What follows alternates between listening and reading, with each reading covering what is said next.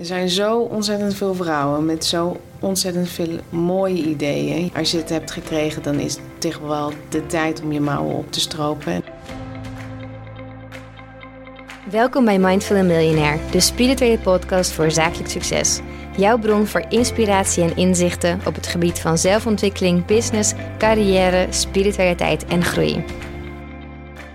Vandaag ben ik met Marieke. Zij is schrijver. Haar boek Rise is net uit. Energiewerker en ondernemer. Misschien ken je haar wel van de Bewustzijnsschool. Welkom Marieke, super leuk dat je hier bent. Thanks. Heel leuk om hier te zijn. Dankjewel. Als eerste de vraag die ik eigenlijk altijd stel. En bij jou zie ik al zo'n mooie verbinding tussen het ondernemen, het spirituele en alles eromheen. Maar wat is nou voor jou de verbinding tussen spiritualiteit en succes en business? Vooral heel dicht en echt bij jezelf zijn. Ja. Dat is voor mij wel spiritualiteit. Ja. Uh, echt zijn, echt zijn met jezelf en echt zijn met de wereld. En wat, dan denken denk ik mensen heel erg veel van wat is echt zijn. Nou, echt zijn is durf ik echt te zeggen wat ik wil zeggen. Durf ik echt mezelf helemaal te zijn. En durf ik mezelf dan ook op alle verschillende niveaus echt te zijn. Ja. En daarin heel stevig staan. Dus je hebt, voor mijn gevoel is het ook een enorme verbinding met het goddelijke. En de verbinding met de aarde. En wat, wat maakt het nou zo, zo succesvol? Is dat de meeste mensen in het spirituele heel erg in het spirituele blijven hangen en Hmm. zweven of voelen. Hè? Want het voelt heel lekker. Ja. Die lichtheid en die bubbel, ook als je na een meditatie eruit komt. Klopt. Maar hoe is het eigenlijk om echt in je lichaam aanwezig te zijn en daar vorm aan te geven? En hoe meer je vorm aan jezelf echt kan geven, kan je dus ook vorm gaan geven aan bedrijven. Ja, wat een mooie vergelijking eigenlijk. Ja. Hoe heb je dat zelf gedaan, dat vormgeven? Nou, dat is eigenlijk voortgekomen uit één zin. En dat ben ik gaan zeggen toen ik 5, 26 was. En dat was, ik ben een bouwer. Mm, mooi. En daardoor zit er al een soort enorme lading in. Ik ben een bouwer en ik voel me ook een bouwer. En daarmee geef ik dus met woord al een enorme lading in mezelf. Ik ben een bouwer en daardoor bouw ik ook. Ik bouw Ja. heel graag. Ja. En bouwen is, is dus ondernemen. Of eh, schilderen doe ik. Of tekenen. Of bakken, koken. Maar ook ondernemen. Dus Mhm. het, het creërende stuk, zeg maar. ja. En net heb je eigenlijk een heel boek gebouwd. Ja, Kun je, iets, kun je ons meenemen in je proces en waar je nu staat met je boek? Hoe voel je je erover? nou het boek is net een week uit. Ja. Dus dat is echt heel vers en fris. En hoe ik nu, hoe ik me hierbij voel nu, is een soort. Ja, weet je, het is gewoon een soort enorme stroom van liefde wat je over je heen krijgt van mensen die het gelezen hebben en in één ruk uitlezen omdat ze het niet weg kunnen leggen. Het is een spirituele autobiografie en een zielactivatieboek. En het is wel een heel proces geweest. Het gaat namelijk over ehm, mezelf in deel 1 heel, is eigenlijk ook het helft van het boek. En het gaat over mijn bijna doodervaring die ik heb gehad op mijn 16e Ja. levensjaar. En dan hebben we deel 2, 3, 4, 5, 6. En dan neem ik je eigenlijk helemaal mee tot aan waar ik nu sta of zit. Van hoe mijn verloop is gegaan met woorden geven en vooral ook vorm geven aan het hele universele waar ik dan nog dieper in wakker ben geworden. En hoe ga ik daar in hemelsnaam mee om? Ja. En hoe ben ik daarmee omgegaan? En wat voor lessen heb ik allemaal gehad? En wat is er allemaal bij me geactiveerd hè, van in mijn veld? En door daar zo heel veel beeld aan te kunnen geven... en dus ook in woorden, kunnen mensen heel erg met me mee. En hebben ze dus ook heel veel herkenning. Ja. Ik geloof ook dat heel veel mensen die het boek lezen... dat ze het gevoel hebben dat ze niet meer echt alleen zijn. Want dat is ook wel echt iets wat mensen hebben Ja. in dat hele spirituele van dat ze zich heel erg alleen voelen omdat ze zich niet durven te openen. Ja. En dat het openen heeft ook weer te maken met durf ik echt te zijn. Ja, ja, precies. Durf je dat te laten zien, Ja. ook al die lagen. Ja, Mooi. Naast, ja, je kan natuurlijk mega veel mensen hiermee inspireren. Ik denk ook echt inderdaad dat je sneller dan opent. Als je dat van jou leest, denk je... Oh, Marieke durft dat ook, die neemt het mee. Waarom zou ik alles voor mezelf houden? Maar het lijkt me ook voor jezelf wel een heel mooi... maar ook lastig proces om het allemaal op papier te krijgen. ja, vooral deel 1, daar was ik acht jaar geleden mee begonnen. Ja, wauw. Dat was ook voor de allereerste keer dat ik er woorden aan gaf. Hmm. Dus voor mij is het Aan de ene kant is het de meest verlichtende, verlichtste ervaring die je als mens zijnde kan hebben. Doodgaan en weer terugkomen. Ja. Ik bedoel, er zijn natuurlijk best wel veel mensen die dat kunnen zeggen, maar ook merendeel niet. Nee. Dus hoe is dat aan de andere kant? En het is aan de andere kant voor mijzelf als vorm, als Marieke van Meijeren ook, de meest traumatische ervaring geweest van mijn leven. Ja, ik kan me voorstellen, want je bent nog heel jong. Ja, En dan lijkt me met zo'n ervaring, ik kan me totaal niet voorstellen, maar ook lastig een plekje te geven misschien als je zo jong bent. Of heb je dat gedaan? ja, niet, ja, gewoon gekozen om er niet over te praten. Nee, gewoon door. Gewoon door. En dat was heel moeilijk. Ja, Verscheurend van binnen. En vooral ook om. Vooral heeft het me alleen gezet omdat niemand er ook naar vroeg. Niemand zei van, hé, hey, hoe was het? Iedereen was waarschijnlijk blij dat je weer er was, maar niet... Ja, maar niemand durft te vragen naar. Niemand durft eigenlijk echt te vragen van hoe fysieke pijn is Ja, en hoe je je voelt, wat je meegemaakt hebt en hoe het is om een BDE te hebben. ja, Dat is een afkorting van bijna doodervaring.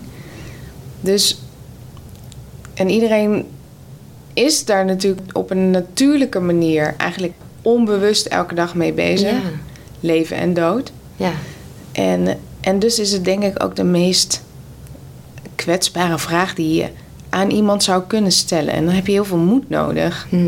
Van kan ik het dan ook ontvangen wat iemand zo meteen gaat zeggen? ja, En ik denk dat dat, dat was voor mijn familie sowieso. Die hebben allemaal hun eigen processen gekregen natuurlijk met het. Hm. Dat ik natuurlijk een ongeluk gehad heb, is er bij iedereen in de familie een proces gestart. ja, En mijn vriendinnen destijds, ja, iedereen is gewoon druk met zichzelf. ja. Want ik kan me wel eens voorstellen dat mensen heel nieuwsgierig zijn, maar inderdaad ook angst hebben om te vragen van, hoe was dat dan? Ja. Ja, dus vragen ze niet. Nee, Nee. dat is gek hè, dat we dat doen eigenlijk. Zo zonde. Ja, en dat zijn dus echte gesprekken. Ja, Hè, en dan het liefst niet willen huilen of het niet aankunnen of het... Hè, want uiteindelijk is het een verhaal. En door het vertellen van een verhaal gaan er bij jou ook weer dingen aan. ja, En kan ik dan dat verhaal aan wat zij zo meteen gaat vertellen of Ja. lezen of dat soort dingen. En ik geloof dat daardoor het boek ook een enorm helend verhaal is. Vooral voor mezelf. ja, Het is echt mijn ticket to freedom. ja, ik kan me voorstellen. Om daar eh, echt als een ronde cirkel naar te kunnen kijken en te zeggen... Wauw, ja, weet je wel, Ja, punt. Zo, dit is het. Ik heb het opgeschreven, verteld en iedereen die het wil lezen. En ja. zelf misschien iets meer een plekje kunnen geven. Ja, een plek en ook niet meer bang te zijn om te voelen wat ik kan voelen. Als jij bijvoorbeeld een vraag stelt of ik ervaar nu ook wel een beetje spanning. Ja, En dan kan ik de spanning gewoon ervaren en dat gaat gewoon door me heen. Maar ik ben niet meer bang om erover te praten. Hm. Ik ben ook niet meer bang om die Marieke een bepaald soort woord te laten geven. Hm. Omdat ik denk ik eerder bang was wat er zou gebeuren als zij zou gaan spreken. ja. Bang En, voor eh, wat je zelf zo, wat er zou komen. Ja, dat, een vloedgolf van emotie en gevoel. Ja, En om dat wederom nog een keer gevoeld te hebben in, in een veilige omgeving met een, eh, een therapeut. hm. En merk ik, hè, dus, en daar krijg je ook weer zelfvertrouwen van, van oh, maar ik, ik kan mezelf dragen. ja, Weet je wel, ik ga door deze angst heen of door dit trauma. Of, en dat geldt voor alle luisteraars. Maar als je er doorheen beweegt en je blijft op je voeten staan... dat je op een gegeven moment tegen jezelf kan zeggen in de spiegel... oh, maar ik ben er nog. ja. Ik ja. ben er nog. Ja, in de zin van inderdaad, je krijgt ook wat je aan kan, maar dan was je eigenlijk al zo sterk. Ik snap wel dat je dan denkt van, kan ik het wel aan? Maar je hebt het al aangekund, maar om het dan nog een keer en nog een keer weer te herleven eigenlijk. Ja, verwerken. Ja, dat, ja, Als we het niet verwerken, imploderen we van binnen. ja. Ja, heeft het, ja, dat is een stomme vraag, maar jou echt gemaakt natuurlijk tot wie je nu bent? Ja. Kan ik, ja, dat moet, dat moet haast wel. Maar hoe is dat, hoe zie je dat zelf? Die ervaring inderdaad, maar ook het hele proces erna. Hoe kijk je nu tegenaan? Van ben je er nu, als je er nu aan denkt, wat voel je dan?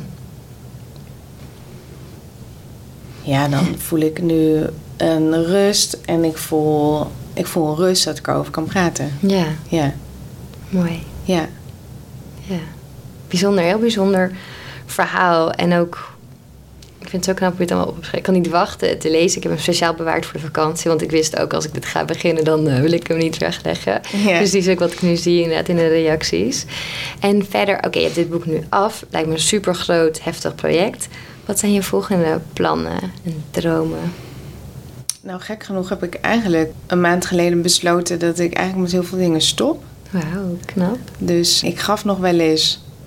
En dan was ik ook drie jaar geleden al mee gestopt. Ik doe al elf jaar lang, twaalf jaar lang energiesessies. Ja, Waarin ik mezelf openstel voor het goddelijke. En ik kan helder zien, helder voelen, uit mijn lichaam gaan, eh, de ander worden. Dat soort kwaliteiten. ja. En daardoor is het voor mij een soort ontzettend natuurlijk proces om iemand te begeleiden. Hm. Ofwel met een casus van het hier van die persoon, of met casussen vanuit vorige levens, of noem alles maar op, wat er in dat ene moment voorbij kan komen. Ja, Maar ik heb eigenlijk besloten dat ik daar nu mee stop. En ik heb ook besloten dat ik stop met cirkels, deed ik. Mhm. En ik zou ook retraites geven, dat doe ik ook niet. Dus ik heb eigenlijk voor mezelf een soort. Ik voel voor mezelf dat er een andere plek gaat zijn. Waar ik waarschijnlijk, of hoogstwaarschijnlijk, kan ik ook wel zeggen dat daar. dat mijn plek aan het verschuiven is. En Ja. als ik mijn plek aan het verschuiven is, en dat voel ik, dan is het aan mij ook om zeg maar de oude plek waar ik zit van af te stappen en dus ruimte te maken voor de nieuwe plek die er is. En die nieuwe plek die voel ik wel heel erg van binnen, alleen ik heb hem nog niet gezien. En dus ik ga dus daar niet over na zitten denken of strategische plannen over aan maken Nee. of dat soort dingen. Dus dat is zeg maar dat. En het andere stuk is de bewustzijnsschool. Daar zijn we nu bezig met een hele rebranding. Oké. Dus die komt over een maand de wereld in. Dat was al een fucking cool Ja, proces. Nou, dat weet jij waarschijnlijk ook wel als ondernemer. Rebranding. heerlijk. Ja. Veel nieuwe kleurtjes, Ja. design, eh, nieuwe teksten. Gewoon Ja. alles helemaal nieuw. Ja. En daar gaan we werken met echt de topsprekers. Dus echt de top vanuit spiritueel en persoonlijke ontwikkeling. Ja. En dan de New Beginning. Dat is ons oud en nieuw feest aan het eind van het jaar. Mhm. Dus dat is eigenlijk een oud en nieuw feest. En daar zijn we nu wel echt mee bezig met echt internationale en met nationale sprekers. Heel gaaf. Dus dat is wel echt super bruut. Daar ben ik echt blij mee. Ook vooral met de internationale namen die hebben ingetekend. Ja. En dat, dat is wel voor mij ook een soort up-level van... Oké, weet je wel, hier in Nederland hebben we goede sprekers. Mhm. Maar het is ook wel allemaal hetzelfde en één pot nat. Om het even gewoon in mijn eigen taal te zeggen. Mhm. Wat is nou inspirerend? Weet Ja. je wel, waar ga je nou echt van aan... in plaats van dat je het al vijf keer voorbij hebt zien komen op je Instagram feed. Precies, want iets kan alsnog heel inspirerend zijn, maar Nederlands spreken heb je misschien al vaak genoeg gezien. Ja. En Iemand anders prikkelt dan weer enorm. Ja. En waarom niet de luik openzetten naar internationaal? Dus daar zijn we nu mee bezig. En eh, ja, Gaaf. allemaal van dat soort dingen. Ja, Ja. het gaat stroomt wel lekker door. Ja. eh, Ja, ja, maar ook heel mooi wat je zegt inderdaad van eerst van die oude plek afstaan. Want vaak als je heel erg vast blijft houden aan dat oude, omdat het nou nu helemaal goed loopt of fijn voelt, dan komt er soms niet echt plek voor nieuwe dingen. Omdat je daar niet daar kan gaan staan. Inderdaad, niet dat kan gaan voelen. ja, Hoe makkelijk het ook is om het wel gewoon maar door te blijven doen. ja, Ik ben heel benieuwd wat zich allemaal gaat aandienen. ja. Ja, want hoe kwam jij bij dat, nou, dat wat je noemde, dat helder voelen, helder zien, dat helemaal aanvoelen ook van vorige levens. Had je het als kind ook al? Of is dat iets, denk je, dat je door jouw bijna doodervaring aan is gewakkerd? Nee, ik heb het altijd al gehad. Ook Ja. vanaf kinds af aan al. Dus echt Oké. mijn eerste herinneringen Echt? heb Oh. ik dat al. Wauw, hoe gaat zoiets? Hoe, hoe voelt zoiets? Ja, dat is voor mij hetzelfde als een glas water drinken. ja, Nu, hè? ja, Nu. ja. Maar het is zo eigen. Dus het is voor mij wel hetzelfde als fietsen of... En hoe ik dat dan moet uitleggen is, dus je wordt erin geboren. Dus je wordt Mhm. ermee geboren. Dat is denk ik ook wel een ontzettende belangrijke topic. Is, hè, er zijn heel veel mensen die willen iets. Mhm. En dan gaan ze allemaal eh, cursussen en dingen doen. En dat is super goed voor jezelf, voor je eigen persoonlijke ontwikkeling. Ja. Maar er zit altijd een plafond aan. omdat het goddelijke je het niet gegeven heeft. Hmm. Dus het staat in de sterren, maar dat houdt dus ook in, het staat niet in de sterren. Nee. Maar wij willen als mens zijn er niet kijken naar wat niet in de sterren staat, want wij willen graag. Hè? Ja. Dat, dat hongerige we willen, want dat staat vet. Of Ja. die jurk is cool. Of eh, ik vind het vet om me daarmee te gaan identificeren, want het is fashion, spiritueel fashion, om allemaal dat allemaal te zeggen. Echt, hè? Maar als het goddelijke je het niet gegeven heeft in je veld, in je ziel, Hmm. dan is het niet iets voor dit leven wat er is. Nee. Dus er zit altijd een plafond aan. Dus er is altijd een, een weg van frustratie. Ja. Dus is het niet de weg. Maar iedereen heeft wel verschillende kwaliteiten meegekregen toen die vanuit het goddelijke geboren is. Hmm. En het is dus jouw taak om te herontdekken waar jij mee geboren bent en in bent geboren. En dat te gaan ontwikkelen en te vergroten. Ja. En zo heeft iedereen bepaalde dingen meegekregen. En ik, ik heb dit pakketje meegekregen. Ja. En ehm, ja, Eh, vroeger was het gewoon, het is gewoon normaal. Totdat ik ook besefte van het is dus niet normaal. Nee. Want niemand heeft het erover aan de tafel. Dat iemand langskwam vannacht, niemand heeft hem gezien. Nee? Oké, weet je wel. En dan ga je wel op een eenzame eiland zitten. Ja. En ook andere dingen die ik dan... die toen destijds al vol geactiveerd waren. Diep spirituele kwaliteiten en uit mijn lichaam gaan... of intergalactisch reizen of transcendente reizen... waar ik dan nu bekend om sta. Ja. En dan is het wel een hele volle, vol leven... omdat het zo interconnected is... Ja. En dus is het zo pijnlijk om te merken dat het dus blijkbaar in de vorm hier in het menselijke dus niet zo interconnected is. En Nee. dat is verscheurend geweest. Hoe, ja, want als kind denk je natuurlijk eerst wat is normaal en dan kom je achter niet. En dan merk je van, wauw, ja, we zijn zo over eigenlijk hier op deze wereld. Hoe ga je ermee om? Want je kan niet in je eentje de hele wereld veranderen. Maar je voelt het wel allemaal, lijkt me. Dat wat ik voel. Nou, je voelt wel wat er eigenlijk ja, mis is. Wat er inderdaad niet, ja, wat er niet goed gaat misschien. Ja, je wordt uiteindelijk. ehm, ja, ben ik mezelf gewoon een beetje daarin gaan afzonderen, denk ik. Ja. En mezelf gewoon minder gaan uitspreken. Dus je spreekt niet meer vanuit je hoogste zelf. Hmm. En dat is dus uiteindelijk de weg ook weer terug, terug naar de hoogste zelf. Maar ja, je, je wordt maar gewoon wat, Ja. weet je. Omdat Ja. je natuurlijk bepaalde opvoedingen krijgt. Je krijgt structuren mee, je gaat naar school, je Ja. gaat mee in een soort treintje. Hmm. En dus, ik denk dat dat ook een heel groot ding is, is blijf je in contact met je hart. Hmm. Blijf je dan nog steeds de boodschappen ervaren en ontvangen? Ja. Of sluit je jezelf helemaal af? En de meeste mensen kiezen om zich helemaal af te sluiten omdat ze het ook eng vinden. ja, Heel veel mensen vinden het heel eng. Kan ik me ook heel goed voorstellen. Ja, Ja. ja. Of blijf je toch in contact? Ja. En ik heb er wel altijd voor gekozen om toch in contact te blijven. Ja. Dus dat is ook wel een soort. Ja. Een soort hemelse bescherming, Hmm. geloof ik, dat. Ja. Maar ja, ook gaandeweg opgroeien, weet je wel, eh 15 en eh fotomodel worden tot mijn 23ste. Ja, weet je, dat is natuurlijk ook een soort trip geweest. Ja, weer een hele andere wereld, denk ik. Ja, ik heb gerookt, gebloot, gesnoven, pillen geslikt, noem alles maar op. Van God losgegaan, van Ja. hier tot Tokio. Om er misschien iets verder weg te staan bij je gevoel. Ja, om gewoon ehm, de ingeklaptheid van mijn bijna doodervaring, dat lege gat van binnen maar te vullen. Ja. Mensen doen dat met eten, met drinken, met Instagrammen, met werken en met drugs, alcohol. En, en de meeste bekende zijn drugs en alcohol.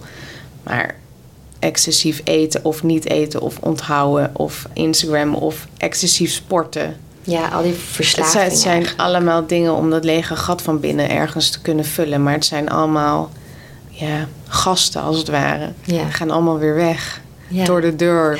Ze hebben een latte macchiato decafé havermelk gedronken. En, en een uurtje later moet er weer iets komen, weet je wel. Ja. En dat, dat lege gat van mij van binnen... dat heeft uiteindelijk ook wel voor een tweede ervaring Maar dat staat allemaal in mijn boek in Rise. Ja. Voor een ander ontzettend donker, donkere ervaring gemanifesteerd. Mhm. Wat me echt op de knieën heeft gekregen. Ja.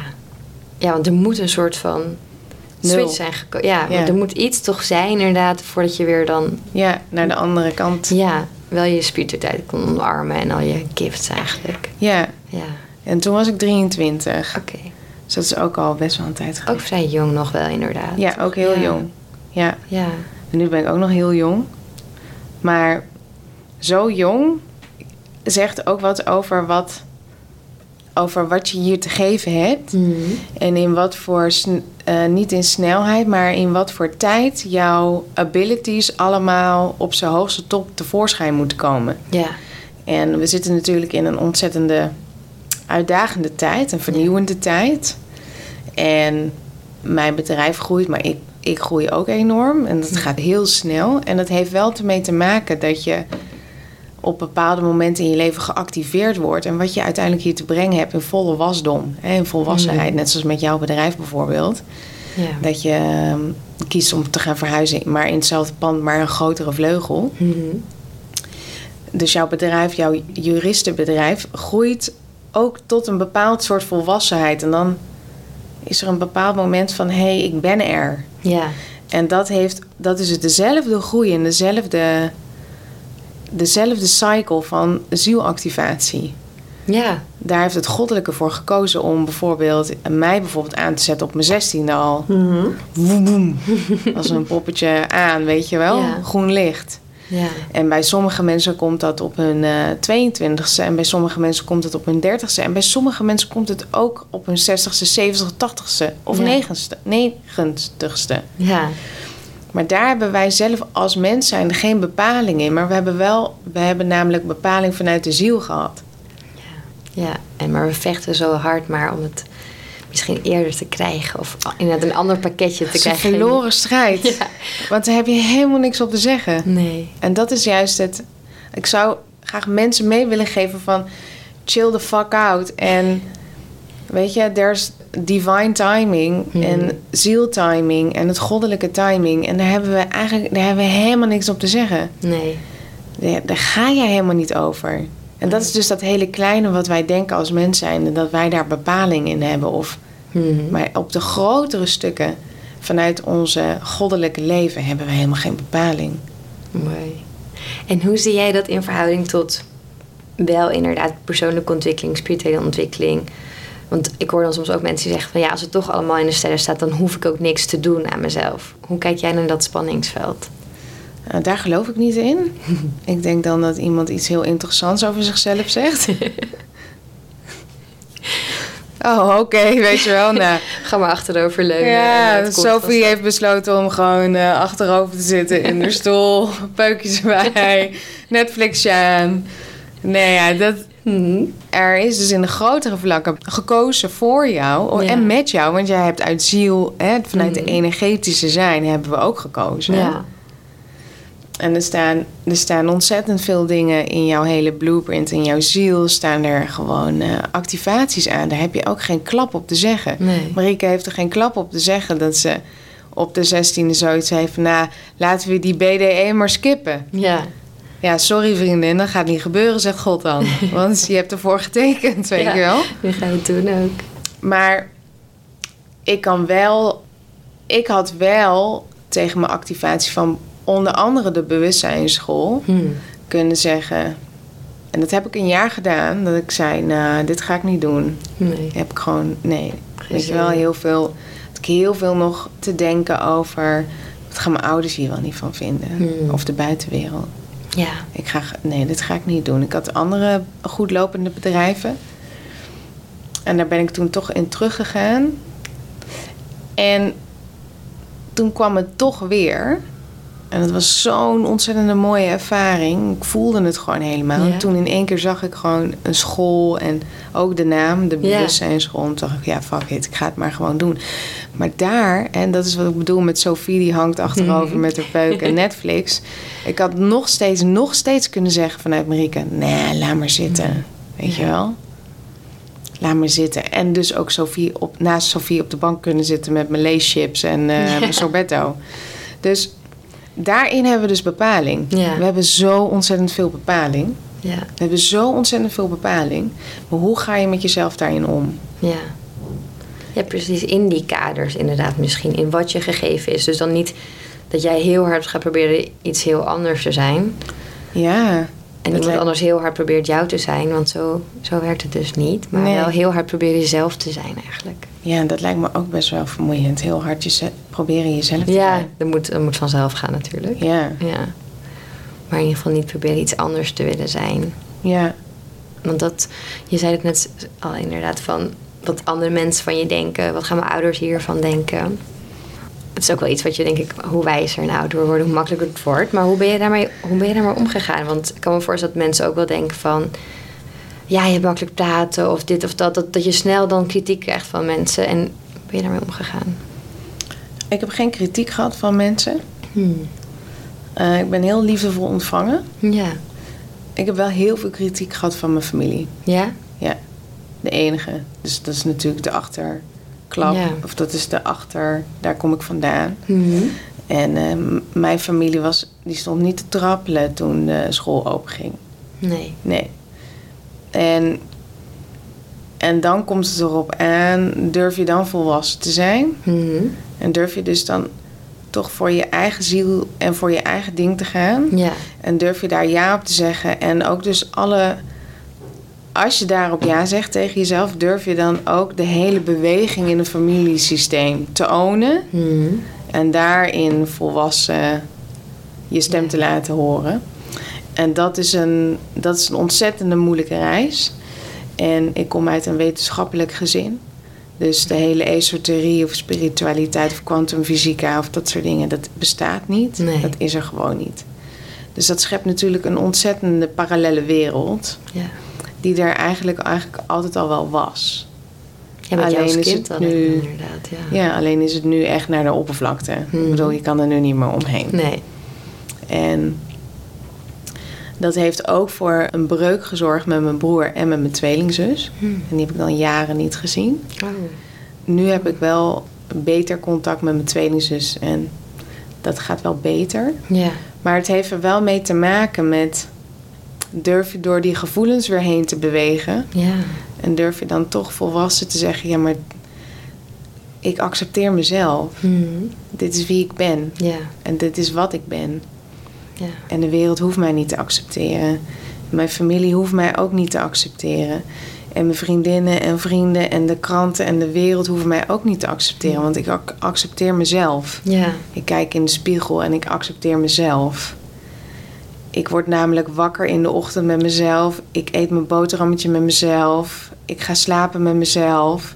Ik ben altijd 24 uur per dag met mezelf. Ja. Kan ik dan in al die eerlijkheid mezelf accepteren? En ik denk dat, dat het daar uiteindelijk allemaal om draait. Zelfacceptatie. Mhm. En dus daarin ook de liefde weer kunnen voelen voor jezelf. Ja. Ja. Maar het is gek, ja. Toch vinden we onszelf accepteren soms minder belangrijk dan dat andere mensen je accepteren. Ja, dat is een soort glijbaan in je hersenpan wat er helemaal in zit. Echt, hè? Ja. Ja. Maar dat komt zonde. omdat alles daarop ge- getuned is, weet je wel. Ehm, mama, mag ik een eh, glaasje water? Ja, ik mag. Ja, Mhm. oké, ik mag een glaasje water. Ja. De totale zelfbeschikking wordt eigenlijk als je drie bent al gewoon bij je weggehaald. Dan ga je Ja. naar school. De meester weet alle antwoorden. Mhm. Of de juf. Ja. Ja, of het antwoordenboekje achterin. ja. en jij niet. En je moet zelfs vragen wanneer je naar de wc mag. Ja, Ja.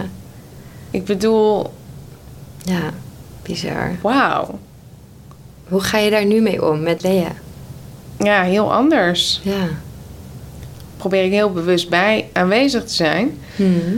Soms lukt het ook niet, maar heel vaak wel. En dat is toch wel heel erg in contact met mezelf te zijn, zodat ik aanwezig ben, zodat mijn dochter mij ook kan voelen en kan waarnemen en kan zien. Oké, mama is aanwezig, weet je wel. Ja. Ze is emotioneel beschikbaar. Ze zitten hier op de telefoon. eh Nee, ik zit niet op mijn telefoon. zak ik- chips. Ja. Netflix. En levelen en vragen aan haar hoe ze erover denkt. En Ja. Lee, je mag zelf kiezen. Weet je wel, dat. Mhm. Eh. Kies maar, wat wil je? Eh, mama vindt alles goed. Weet je, dus dan...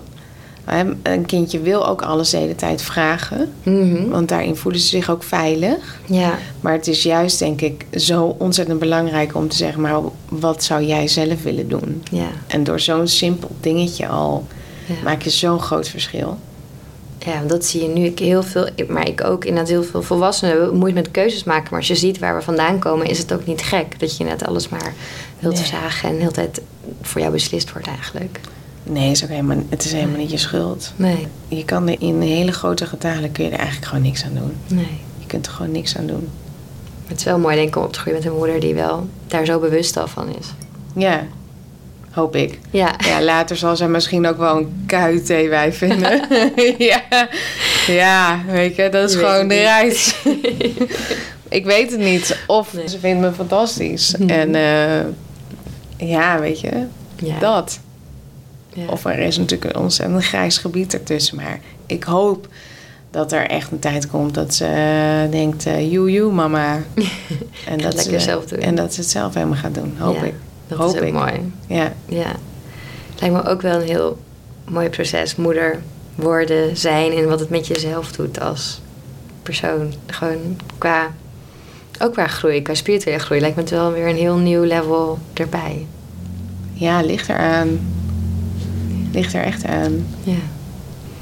Ik wist heel goed van tevoren dat ik toen ik zwanger werd... het enige wat ik helder echt wist... was... eh, we kwamen bij onze... dat is een antroposofische benadering van de bevalling... Mhm. Dus eh, wij hebben daar de, de twee vrouwen voor ingehuurd om eh, mij te begeleiden en dus thuis. Ja. En zij vroeg op een gegeven moment een vraag. Mijn partner Wigert zat naast mij. En zij vroeg van, goh, en heb je al een beetje nagedacht over de bevalling? En zonder dat ik over nagedacht had, zonder dat ik het besprak met Wigert, zonder gewoon wat dan ook, zei ik, ik ga het helemaal alleen doen. Wow. Mooi. En mijn vriend zei, oké, weet je wel. Where's my part in this story? En dat was zoiets wat ik zo helder voelde. Ja. Ik wil het helemaal alleen doen. Ik wil niet gemeten worden, gekeken worden, ingesneden worden, opgewekt worden. Ik wil niet dat mensen aan me komen. Ik wil het gewoon helemaal alleen doen. En, en dat is uiteindelijk ook zo gegaan. Wauw. Ja. En eh Lee kwam in, eh in 4,5 uur. Dus dat was een storm, was Ja. het? Echt een storm.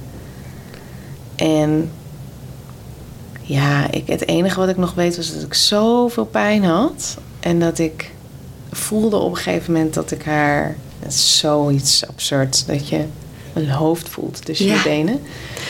En dat ik zei tegen... Dat ik heel even één keer vroeg aan haar van... Volgens mij moet ik persen. Of ik pers. En toen zei ze tegen mij... Nou, Marieke, dan maak je wel ander geluid. Toen dacht ik echt, wat fuck, jongen. Ik maak al gewoon geluid. En toen kreeg ik mijn eerste persween. En dat leek wel een bom. Oh my god. Gewoon een ontploffing. Nou, ik denk dat ik... ik wij wonen op het platteland. Ik, nou, Mhm. ik denk dat dat het helemaal galmde hier tot en met Amsterdam. Weet je wel? Ik heb echt mijn longen uit mijn lijf geschreeuwd. Oh, ja. En, en toen kreeg ik ook een flashback naar de lantaarnpaal. Met natuurlijk mijn BDE, want ik heb een lantaarnpaal in mijn buik gekregen met Het weet ik voor hoeveel kilometer Ja. per uur ik reed. En toen kreeg ik ook de gedachte, oh, ik ga dood. Echt, oh. En toen wist ik wel dat ik er zo boven zweeft, omdat je helemaal in een Mhm. trance staat bent. En toen zei ik tegen mezelf, nou, hier hebben we nu geen tijd voor. Dat kan even niet. Ga maar even op de bank zitten, want Ja. ik heb hier nu geen tijd voor om deze ook eens eventjes te bekijken, Nee. weet je wel. En ik weet dat ik toen tegen Lee zei, telepathisch, yo chick, dit doen we drie keer. En dan ben jij er gewoon uit, vriendin. en Oh, toen yes. was ze er ook binnen drie keer. Echt, oh geweldig. Ik vergeet het nooit meer. Nee. Oh, wauw. Wat een ervaring. Ja, ik heb het ook nog nooit verteld. Ik wil daar nog wel eens een keer iets voor over opschrijven. Ja. Maar de hele ervaring om Lea ook te ontvangen, energetisch gezien, is voor mij ook zo'n ontzettend mooie ervaring geweest. Dat ik, ik was aan het, uit mijn lichaam aan het reizen en ik was helemaal in het universum. En toen hoorde ik een klank, Mhm. gewoon een klank. En ik hing daar, ik zag allemaal sterren en het was echt waanzinnig. En toen ontplofte ik helemaal uit elkaar. En toen zag ik in de verte, maar ja, wat de verte dan ook mag zijn, hè, Mhm. want alles is gewoon hetzelfde. En toen zag ik een klein rood lichtje uit de verte zo schieten en die schoot zo in mijn veld. En toen implodeerde ik weer. Dus toen Mhm. werd ik mijn eigen bol weer in plaats van dat ik zo opengeklapt was. En toen viel ik terug en toen viel ik in mijn lichaam. En toen heb ik Lea, ik denk maandenlang energetisch gezien. Mhm. Dus ehm, ja, in die hoedanigheid. En toen op een gegeven moment lag ik in bad te chillen. Ik had heel even mijn ogen dicht. En toen zag ik in één keer zo st, een baby. Echt? En toen ben ik zo bad uitgestaan. Fuck. En toen ben ik naar Wigget gelopen. Ook zonder handdoek, gewoon helemaal nat. En toen zei ik, ze wil komen. Oh, wauw. En toen, drie dagen later, zijn we naar het ziekenhuis gegaan. Mijn, eh, ik had een koordje, zo'n spiraalkoordje Oh, ja. zonder hormonen. Hebben we laten verwijderen. Ja. En een week later was ik zwanger. Oh, wauw. Ja, Heel bizar zoiets gaat. hè? ja gewoon cool. dat... Het is eerst de energie. Of we Mhm. de energie kunnen ervaren, kunnen Ja. ontvangen... en kunnen herinneren wat dat ook alweer was. Ja. Een kindje. En, en dan is het aan het kindje om te laten zien in dromen of in... Hè, dat je er beeld bij krijgt. Dat je het zo ontzettend voelt in je lijf. Ze wil komen. En dat je Ja. dan inderdaad, net als ondernemen... de stappen moet zetten om het uiteindelijk natuurlijk ook vorm te kunnen geven. hè. Ja. Spiraal eruit, pil niet meer slikken. Nee. Ehm, ja, sommige vrouwen vinden het ook prettig werken om een bepaald soort cyclus bij te gaan Mhm. houden. Weet je, whatever works for everybody, whatever works. Ja, en dan gebeurt zoiets. Ja. Als het nogmaals ook voor jou bepaald is vanuit Mhm. het goddelijke. Ja. Ja. Wil jij zelf kinderen? Ja. Ja. Leuk. Ja, zeker. Ja, inderdaad dan maar hopen dat het allemaal in de sterren staat. Maar ja, lijkt me heel bijzonder. Ja. Maar mooi ook de connectie die je legt inderdaad. Van je kunt het allemaal zien en die energie voelen. Maar dan moet je ook iets gaan doen. Inderdaad, stop met de pil. Of Ja. net, als, net als bij ondernemen. Ja. En toen dacht ik, want dat is soms met spiritualiteit. Soms is het lastig, soms zijn we zo aan het dromen en dingen aan het voelen, maar je moet ook gaan doen. ja. Heb je voor jezelf methodes of hoe, wer- hoe ga je zelf, je voelt iets, je ziet iets, je hebt ideeën en hoe ga je dan doen? Echt dat, die pitte energie erin, zeg maar. Hoe is voor jou die, die omslag?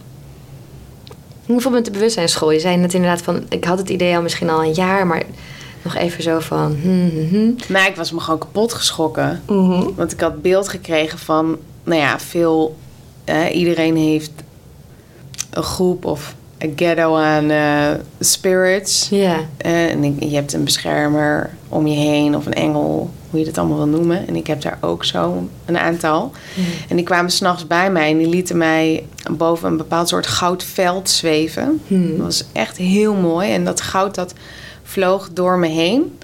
En vervolgens ehm, heb ik drie dagen lang in een soort kokerfocus gezeten. En heb ik alleen maar geschreven en getekend. ja. En toen ik uit die focusstaat kwam, ging ik het zelf lezen als Marieke. En toen begreep ik er echt geen fuck van. Wat is dit En ik had net een bedrijf verkocht. En ik had een ander bedrijf, had ik nog. Ja, Dus ik had nul ambitie om iets te starten. En ik, ik kreeg het idee toen ik in mijn eentje aan het wandelen was in Spanje. oké. Daar had ik geen telefoon, totaal disconnected en totaal in mijn eentje. Dus er was natuurlijk ontzettend veel ontspanning en ruimte en contact met mezelf. Hmm. En dat is wel een belangrijke dat ik dat zeg, omdat dat ervoor nodig is om uiteindelijk je zielactivatie te krijgen. Dus ben je in totale alignment, Ja. ben je in de totale rust, ben je in de ontvankelijkheid, ben je in het vertrouwen van jezelf. Hoef je niks, moet je niks, staat er niks op de planning, deadlines, to-do-lijsten. Gewoon helemaal in het niks. En in het niks helemaal kunnen zitten. En dan komt het. Ja, Want dan ben je open voor inspiratie. En zzzt, fast forward, ik kreeg die bewustzijnsschool, of de bewustzijnsschool weer. ja.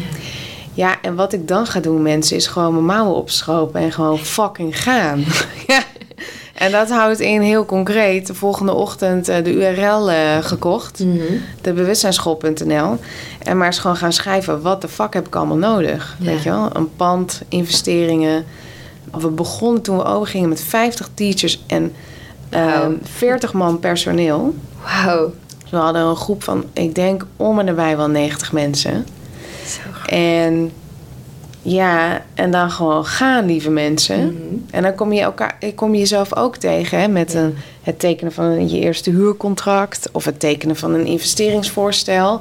Eh, ga, kan ik het wel terugbetalen, leningen afsluiten, noem alles maar op om zeg maar te kunnen verwezenlijken. En daarin moet je wel je hersenpan gebruiken. Mhm. Want je hersenen, die heb je echt nodig. En dat zeg ik ook even tegen alle spirituele luisteraars. Je Ja. hersenen heb je echt nodig. En je hersenen zijn je vriend. Weet je wel? En niet je vijand. Met, oh, ik heb gedachten, dus ik moet stil zijn. Mhm. Nee, je gebruik je hersenen in godesnaam. Dus je analytisch vermogen, je rationele vermogen, je vermogen om eh, strategisch na te denken. Ja. En dat is wel wat er voor nodig is. ja. Ja. Je kunt niet alleen maar ontvangen en, en ja.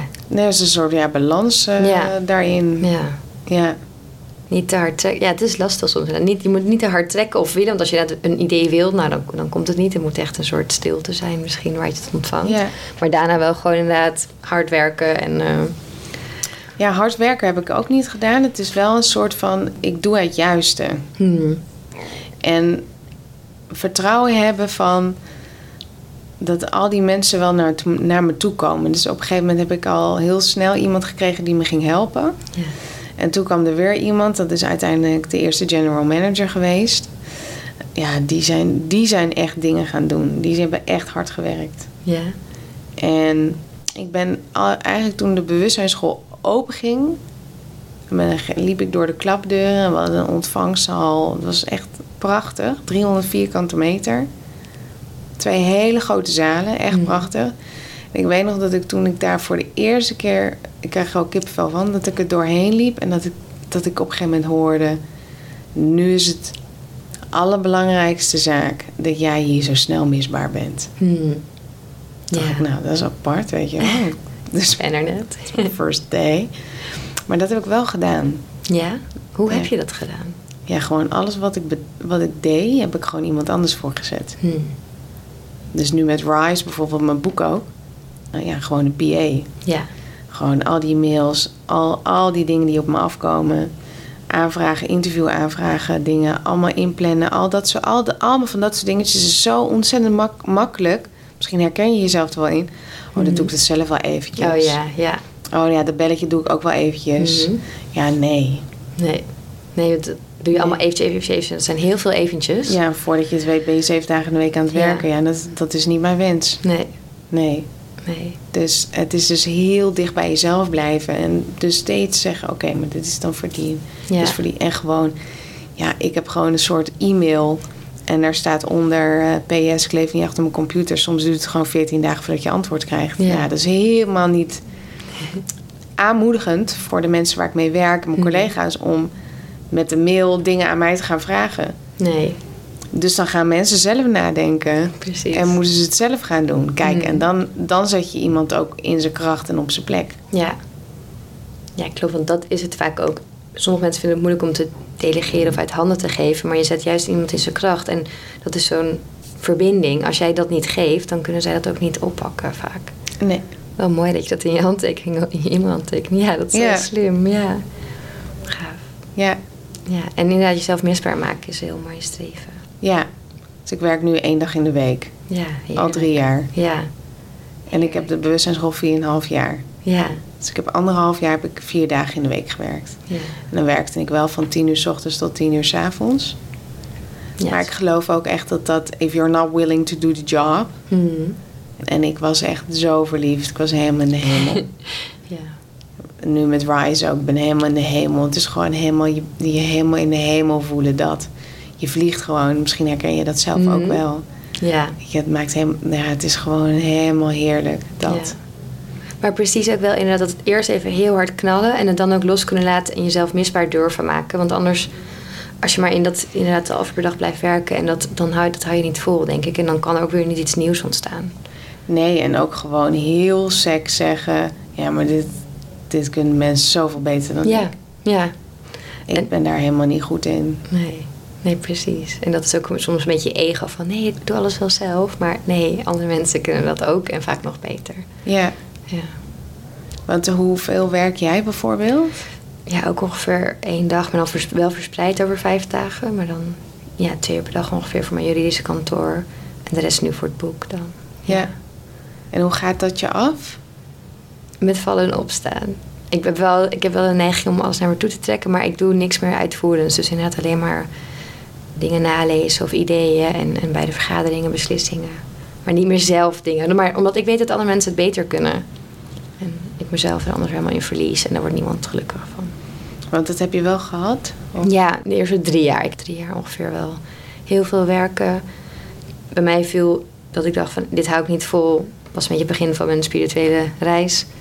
En toen dacht ik ook nee, ik, ik weet niet, ik moet mezelf misbaar maken. Dat voelde ik heel sterk. En toen ben ik dat begonnen vier jaar geleden. En hoe Ja. lang heb je dit bedrijf nu? Zeven jaar dan? Zeven, acht jaar. Oh ja. Ja. Knap ook hoor. Ja. Ja. ja. ja. Mooi. Wat Ja. een mooi gesprek, dankjewel. Thanks.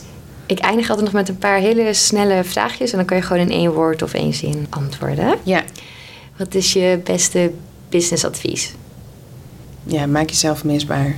Ja, ja goeie. Ja. Meest inspirerende boek dat je hebt gelezen? Ik lees niet. Maar ik heb wel gewerkt met een boek en dat heet A Course in Miracles. Mm, ja, heel mooi. Mooiste spirituele les die je hebt geleerd? Dat doodgaande ware bevrijding is. Mm. Wat was je grootste business blunder? Als je die hebt. Ja, altijd naar je gevoel blijven luisteren en niet, ehm, ja, dat klinkt ook weer zo, even sec. Vooral vrouwen. Ik heb zo vaak meegemaakt in de investmentwereld dat mannen dan toch nog even het contract een beetje veranderen. A.k.a. waar uiteindelijk erop aankomt dat je dus gewoon de helft van je bedrijf weggeeft of 80% van je bedrijf. Ja. Of dat je geen zeggenschap meer hebt, uiteindelijk na een jaar. Dus ik zou zeggen, lieve vrouwen, luisteraars. Als je zoiets voelt en leest. En je bent bezig met het opzetten van je bedrijf. Kan je wel eens het gevoel hebben van: oh, maar hij is de enige die wil investeren. Of ik heb het nu nodig. Mm. Laat je daar niet door leiden. Nee. Er is altijd iets veel beters. En laat je daarin dus ook. Hè, check het liever eventjes bij een goede advocaat of een jurist. Mm. voordat je iets ondertekent. Ja, ja, goeie. En als laatste, meest inspirerende persoon? Dat is Sadena, dat is geen persoon. Dat is mijn beschermer. En die komt ook groot voor in mijn boek Rise. Mm, mooi, Ja, dankjewel. ja. En mijn kind. Ja, Of course, mijn dochter. ja, De zon. ja, Lea. heel mooi. Ja. Wil je nog iets met ons delen ter afsluiting? Er zijn zo ontzettend veel vrouwen met zo ontzettend veel mooie ideeën. Je hebt het idee ook gekregen in de juiste tijd. Je hebt het gevoeld, je hebt het gezien. Je wil er iets mee. En dan komt er op een gegeven moment een grens van dat je het niet durft. Of dat je maar een beetje zo in zo'n emmertje blijft zitten. Ik zou willen zeggen, kom de emmer uit. Het leven is zo ontzettend mooi als je eruit stapt. En het echt doet. Het is niet dat iemand anders het beter kan of meer of groter of dat jij het maar zelf bedacht hebt of noem alles maar op om maar in die emmer te blijven zitten.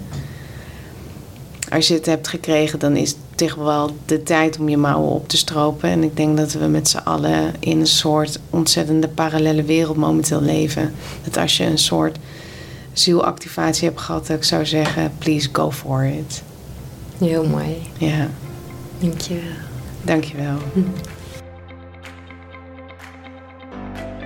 Je luisterde naar Mindful Millionaire, de podcast. Ik hoop dat deze episode je nieuwe inzichten, inspiratie en ideeën heeft gegeven. Mocht dat zo zijn, dan ben ik je super dankbaar als je deze podcast deelt, volgt, reviewt of me een shout-out geeft op Instagram via Steffi Roos Dimene. Dankjewel en tot snel.